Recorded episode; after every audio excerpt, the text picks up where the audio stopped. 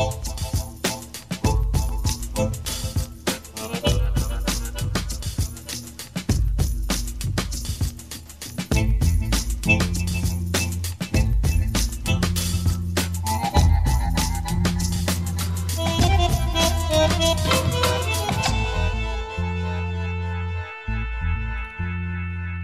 Još raspisani izbori, ali predizborna kampanja je očigledno počela. To vidimo po šatrama i po volovima raznih vrsta koje se šetaju po Srbiji. I sad, naravno, ne samo to je signal mnogima u javnim preduzećima, u državnim institucijama, direktorima, pre svega BD, da je kampanja počela da je počeo frontalni napad da, zapravo na birače.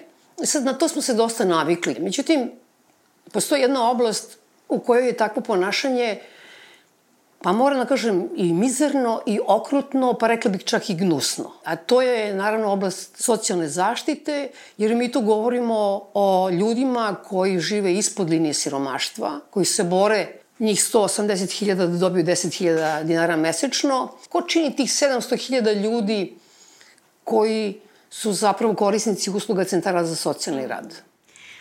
Kao što ste rekli sad, čini se da je ta priča o centrima za socijalni rad najstrašnija. Zapravo, zapravo zašto? Zato što tu vidimo da zapravo političke stranke tu vide prostor za manipulaciju. Znači da se centri za socijalni rad koriste da se dođe do tih najugroženijih kada dodamo tome e, podatak da u Srbiji trenutno imamo oko pola miliona ljudi koji žive u apsolutnom siromaštvu zapravo i kada dodamo tome da milion i po ljudi živi u riziku od siromaštva, a onda preko još podatak da je stopa subjektivnog siromaštva, znači onako kako građani procenjuju da li imaju uslove u toku, e, mes, u, u toku jednog meseca, to je skoro polovina građana Srbije smatra da ne može da sastavi kraj sa krajem. Vi ste i počeli time o izborima, ali ovo stanje,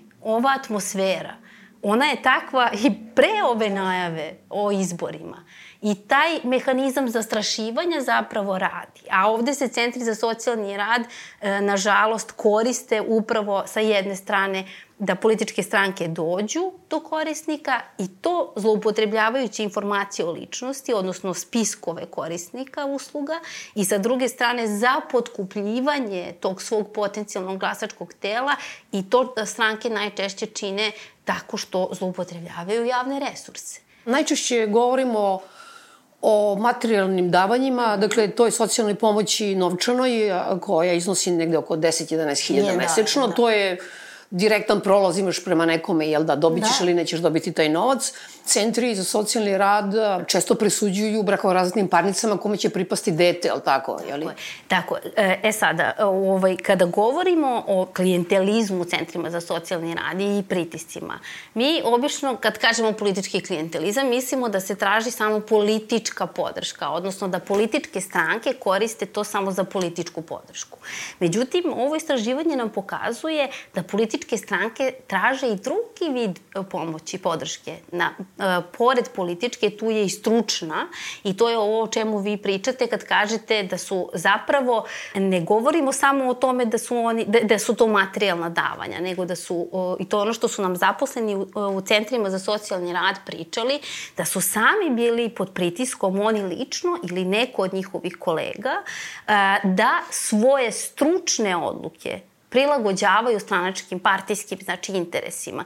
To znači da pored toga što će neko van procedura da tretira neki predmet, u vezi sa osobom koja je bliska političkoj stranci ko, tako što, što se, se dešava da neko urgira, da li direktor centra, da li neko iz opštine ili direktno iz političke stranke za nekoga. Kada je pitanje e, u hraniteljskim porodicama ili pri, prilikom razvoda, pa ovaj, kome će pripasti dete, čas smo i to, o tome slušali u intervjuima da i tu ima urgiranja po političkoj e, toj liniji.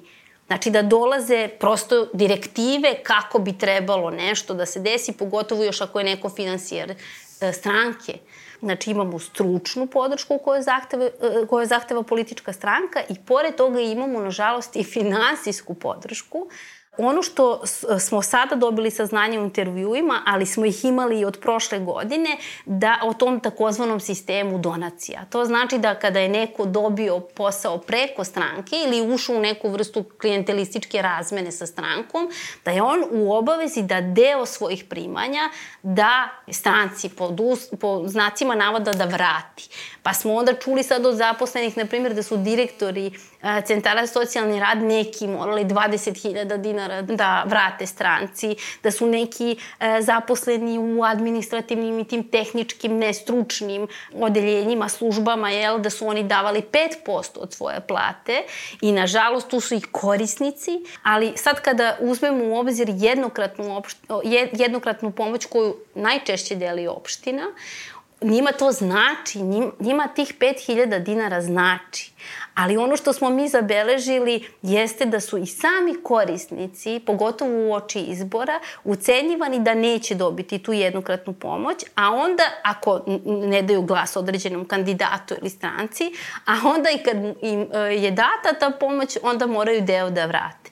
Mi smo prošle godine imali slučaj u jednom neformalnom romskom naselju gde su stanovnici, svi stanovnici neformalnog romskog naselja bili ucenjivani da moraju da, rečeno im je ok, opština deli jednokratnu, naravno oči izbora, jednokratnu novčanu pomoć, nećete je dobiti ukoliko ne date glasa tog i tog.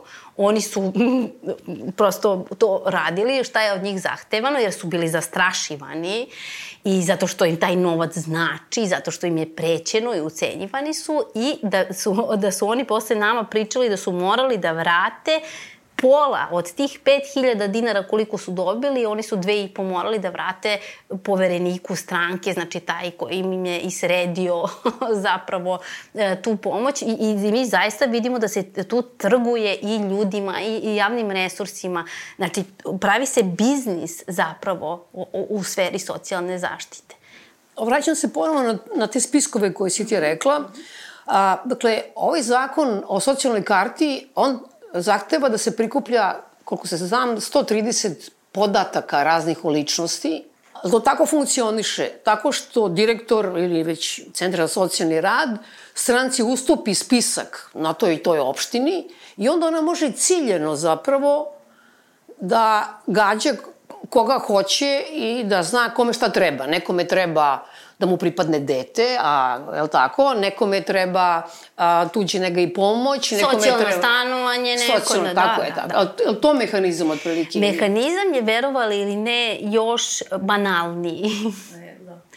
Zašto? Mi kad smo krenuli da razgovaramo sa ljudima koji su zaposleni u centrima za socijalni rad, mislili smo da mislili smo da postoji neka procedura i da, da to ispod žita što se dešava da je jako teško da se odradi. Međutim, stvar je još gora. A sada ću navesti jedan stvarno ilustrativni primer jednog centra za socijalni rad, kojim slučajem nalazi u istoj zgradi gde i opština. Jel?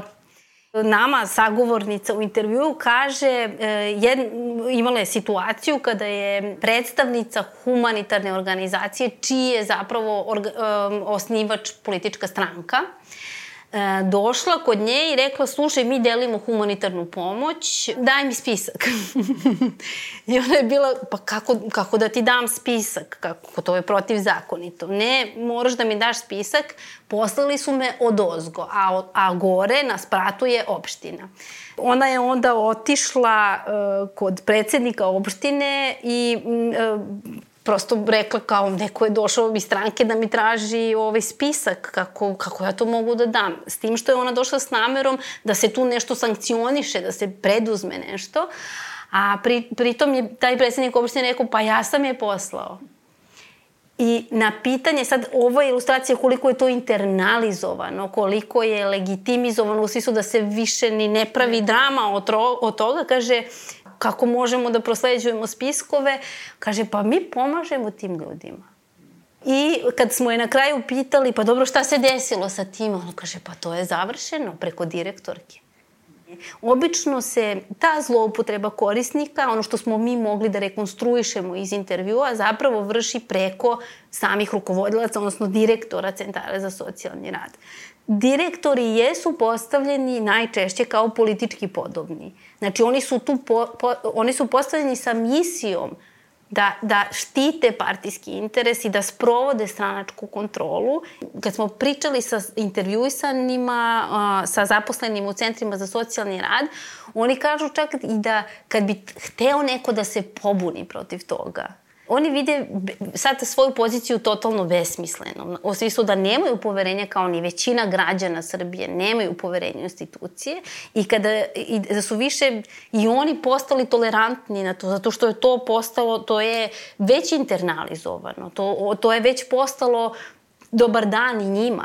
Još jedna ilustracija jeste da kada su, sad kako opet ta obe, obećanja i ucenjivanja idu u oči izbora, pošto smo sad u toj atmosferi, gde je zaposlena priča ka, da posle nekoliko dana nakon izbora su njoj dolazili ljudi sa papirićem iz političke stranke, iz opštine ili iz Centra za socijalni rad, oni su došli kod nje, pošto ona radi na tim poslovima materijalnih davanja i, e, i za trijažu, jeli, e, s tim rečima su rekli, mi smo došli po novac za glasanje.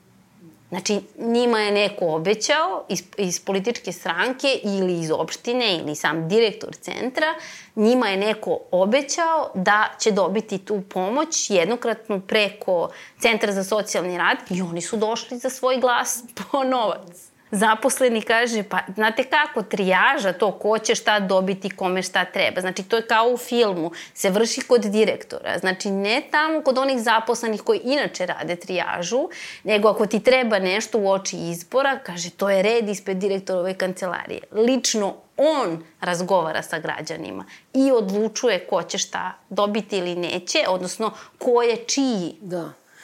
I uvijek da se vratimo na, naravno, tu terminologiju koju razumim a, zašto je korisniš, a korisnici, korisnici su ljudi koji su u patnji različite vrste. Žive u, ovoj zemlji kao i mi ostali, ali su građani drugog, trećeg reda ili su u porodičnim takvim okolnostima da, da žive pakao u sobstvenim životima. Jel? Žrtve nasilja, žrtve porodičnog nasilja. Da prosto i mi u, u razgovoru sa, sa zaposlenima prosto nismo mogli da verujemo koliko je to bez skrupula. Nema granice, nema te crvene linije za etiku, isključivo crvena linija koja, koja postoji je ona protiv vlasti. Znači, to su svi internalizovani, to je suprostavljanje vlasti, linija suprostavljanja vlasti, a, a linija koja se kosi sa etikom, toga nema. Slušali smo, nažalost, da je... E, jedna e, žena koja je inače bila trudna i koja uh, ima malo dete, da su je iz mesne zajednice ucenjivali i rekli su joj moraš da ideš na miting. Moraš da ideš na miting ukoliko hoćeš da dobiješ taj humanitarni paket. Mislim da je bio paket hrane, ne nebitno. I da je ona zvala Centar za socijalni rad, znači radicu sa kojom e, radi, pa meni su rekli, meni su rekli da moram, a kako ja, ko će meni dete da čuva? Plus je ona žrtva nasilja porodičnog. Znači, to su strašne priče da stvarno vi pomislite, ne, to je nemoguće, ali zapravo kad to slušate, znači, kad kažemo korisnici, to su stvarno i oni koji su ekonomski deprivirani, socijalno deprivirani, koji, imaju, koji su žrtve nasilja, ne ispašta samo ko, konkretno pojedinac, nego svi ljudi oko njega. Naravno. Znači i deca i, i pa onda govorimo o tome da na, na primjer kad govorimo o pritiscima na zaposlene, tu posebno govorimo i o hraniteljima, to su pružaoci usluga. Znači ne samo korisnici, već i oni koji spružaju usluge kao što su negovatelji, hranitelji, gerontodomaćice. Da i, i njima, mislim, mi smo to imali u istraživanju i prošle godine. Da ih zovu iz Centra za socijalni rad, I kažu im ti moraš da ideš na miting, u suprotnom neće ti biti produžena licenca, nećeš moći više da budeš hranitelj. I tu sad, na čiju korist ili štetu to ide. Mislim, na štetu građana svakako, ali na štetu de, dece, ne samo tog pojedinca. Je. Po dece, invalida, nepokretnih. Svih, da, tako da, je. Da. Znači, to su sad različite kategorije, ranjive grupe o kojima naj, najraznovrsnije. Znači, svako ko je upućen, ali ono što je poenta da su oni, da, su, da je tih 700 ljudi zavisi od institucije. 700.000. 700.000, da. Da oni zavise od te državne institucije, da su u najzavisnijem položaju u tom trenutku. I da se tu traži prostor za manipulaciju, da se to zloupotrebljava, znači da se nečija nesreća i nepovoljne okolnosti zapravo zloupotrebljavaju. S obzirom na to da je u Beogradu malo uh, teže, s obzirom na, tako da kažem, političko raspoloženje i da će toliko veći pritisak biti na takozvanu unutrašnjost, mm -hmm. pogotovo imajući u vidu činjenicu da praktično na hiljadu stanovnika duplo veći broj ljudi i su korisnici centara socijalni rade nego u Beogradu, jeli? I onda vi sada sve snage možete ili veliki deo svojih snaga da usmerite u stvari prema tim manjim mestima, manj, opštinama ili gradovima unutrašnjosti Srbije. Tako je. U svakom pogledu su manje sredine na, na, u nezahvalnijem položaju. Znači, nama podaci govore e, i o siromaštvu, da je izraženije siromaštvo u manjim u ruralnim sredinama na jugu, jugoistoku. Sve je to povezano. Siromaštvo jeste jedan od uzroka e, ili, da kažemo, okidača za te klijentelističke mreže. Poenta je da je to institucionalizovano, to je sistemski. To nisu izolovani slučajevi. Mi možemo da govorimo, nama kvalitativna istraživanja kao što je ovo ne mogu da pokažu koliko je procentualno nešto zastupljeno ili koliko je izraženo. Ali nam je jasno da govorimo o nečemu što je sistematski. Klientelizam je postao organizacioni princip i vlasti, vladanja, ali i same, e, samih ustanova, odnosno e, u ovom slučaju ja, to su centri za socijalni rad, ali zaista treba da tretiramo to kao studiju slučaja. Zato što su ti mehanizmi i ti principi koje mi otkrivamo ovde zapravo paradigmatični. Oni se odnose na ceo javni sektor.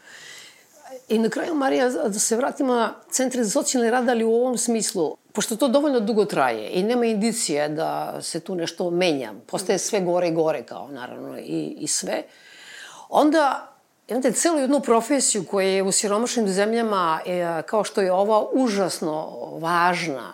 To su socijalni radnici, to su pedagozi i psiholozi koji rade u centrima za socijalni rad, koji su ocrnjeni iz mnogo razloga i sa mnogo razloga često imamo mnogo slučajeva. A s druge strane, oni su pod konstantnim političkim pritiskom predsednika opština, partijskih e, zaposlenika i tako dalje i ne samo to, nego sve više ljudi koji se njima obraća, njih je sve manje i onda oni imaju alibi da kažu pa dobro, imam 700 slučajeva koje treba da vodim godišnje, pa onda će onda dići ruke. Prosto to urošavanje te cele profesije, te cele, kako kažem, sektora jednog tek će imati dramatične posledice. Tako je i, i e, pogotovo što se sada dešava smena generacija u centrima za socijalni rad i to je ono što je, oni već rade u jako teškim uslovima. Ajde što imaju veliki broj predmeta, odnosno što je manjak stručnih radnika, e, uslovi u kojima oni rade u smislu da nemaju dovoljno sredstava, nemaju resurse, da nemaju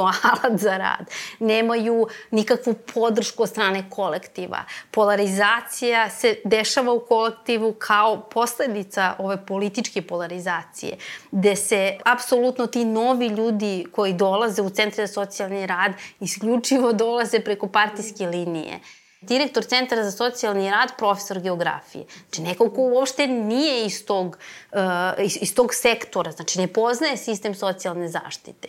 Socijalni radnici jesu medijski eksponirani, ali uh, kada smo ih slušali sada u, pod kakvim pritiskom, kako se te uh, bilo koju odluku koju oni treba kao da izađe iz centra kao njihova, njihova stručna odluka, prvo odlazi kod direktora. Znači, oni nemaju, oni su konstantno pod pritiskom. I to je uvek negde rizik kad slušate da je neko, na primjer, dobio posao preko stranke. I onda svi kažu, pa dobro, što je, što je on pristao na to? Ali, uh, opet se sada vraćam, ovo je, mi imamo generaciju koja sada dobije poslove, koja ne zna za drugu, drugu opciju.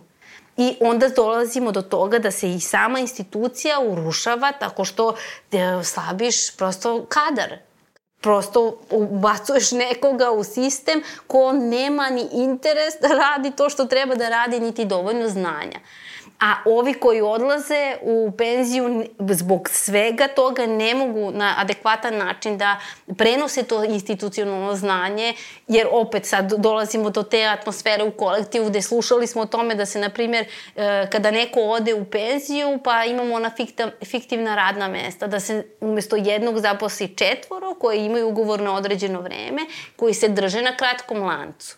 I ko uopšte, oni se bave tu straničkim aktivizmom a ne socijalnom zaštitom. I to je ono što vi kažete stvarno jedno podrivanje institucije, ali plansko, osmišljeno, sistematizovano, a ne stihijski.